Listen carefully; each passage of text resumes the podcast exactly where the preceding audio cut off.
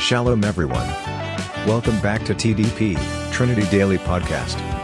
We'll be listening to a motivational message by Pastor Stephen Carroll Werha. Make sure you listen until the end, and don't forget to share the link to your friends and family so they can be blessed as well. All right, Pastor Steve, the mic is yours. Welcome to this edition.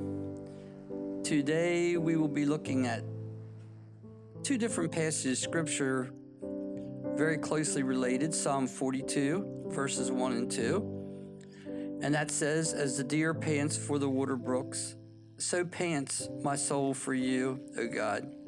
My soul thirsts for God, for the living God.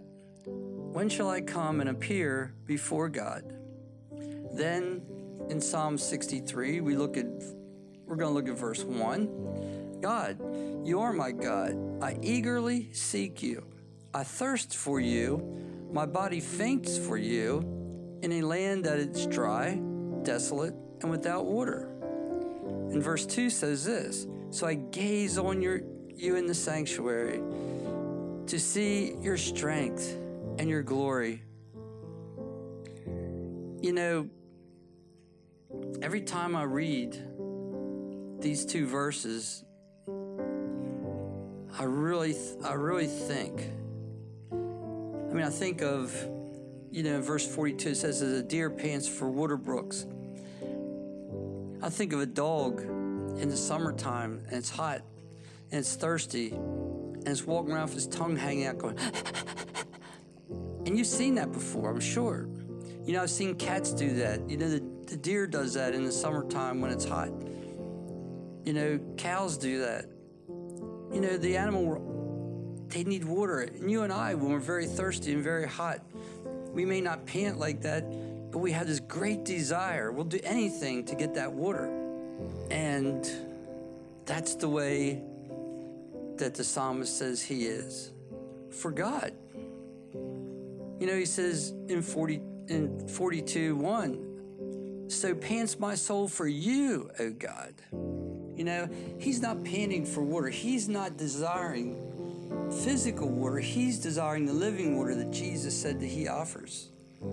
I know we're in the Old Testament. When Jesus came, he says, I am the living water. He says, I can give you water, then you will not thirst again. And so we have to have that desire, it says. You know, in verse 2, it says, My soul thirsts for God. My our very soul, it's not our it's not our tongue and our lips, it's our it's our very soul for the living God. Because the God we serve is alive. He's not a dead God. He's a living God. He's a he's a God that is there with us. And in 63, we see these words. It says, God, you are my God. Do you look at God as your God? Not just as the God of the world and the God of the church and the God of creation, but as your God? We should, because He's very personal with us. He, he, he brought each of us into this world very personally. And then He says, I eagerly seek you. You know, sometimes people say, well, you should do Bible study, this and that. And we're like, yeah, yeah, I, I, think I think maybe I should. Or maybe you say, oh my gosh, I think I ought to study in you. He says, no, I eagerly seek you. You know, sometimes we complain about going to church, but no, he says, I eagerly seek you. I thirst for you. I mean, it's something he really needs. My body faints for you. This is an amazing thing.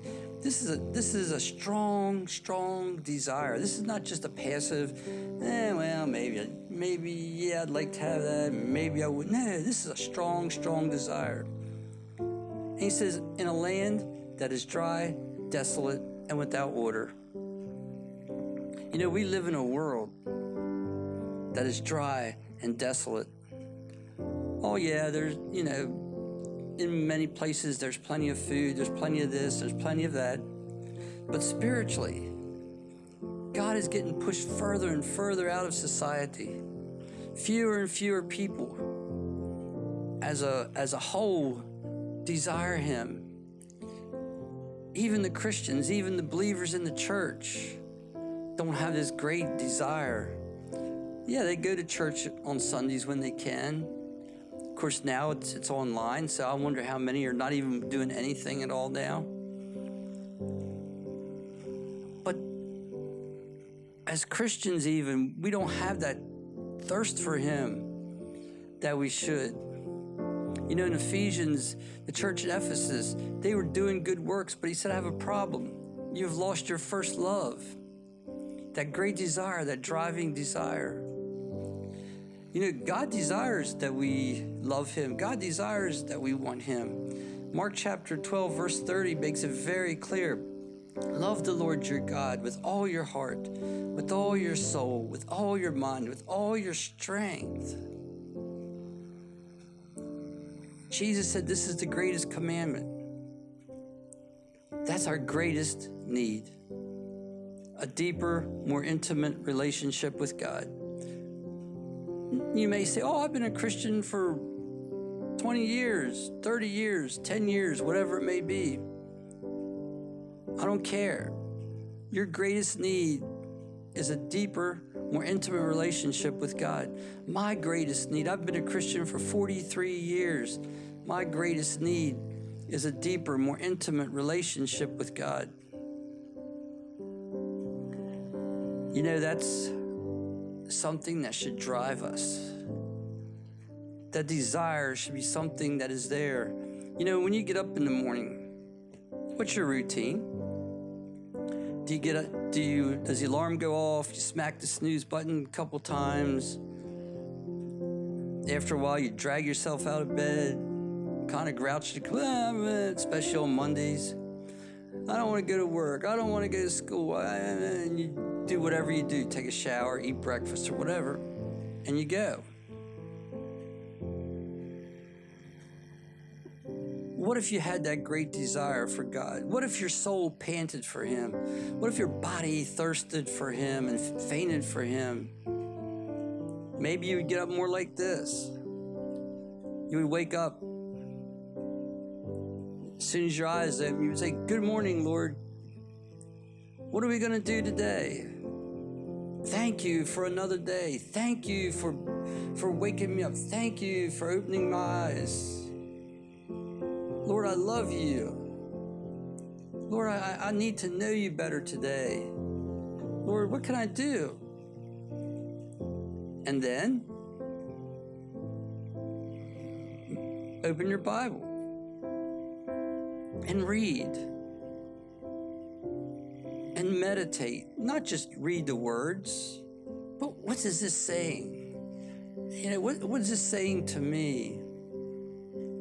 And you pray. You pray the, in the quietness of the morning before your day starts.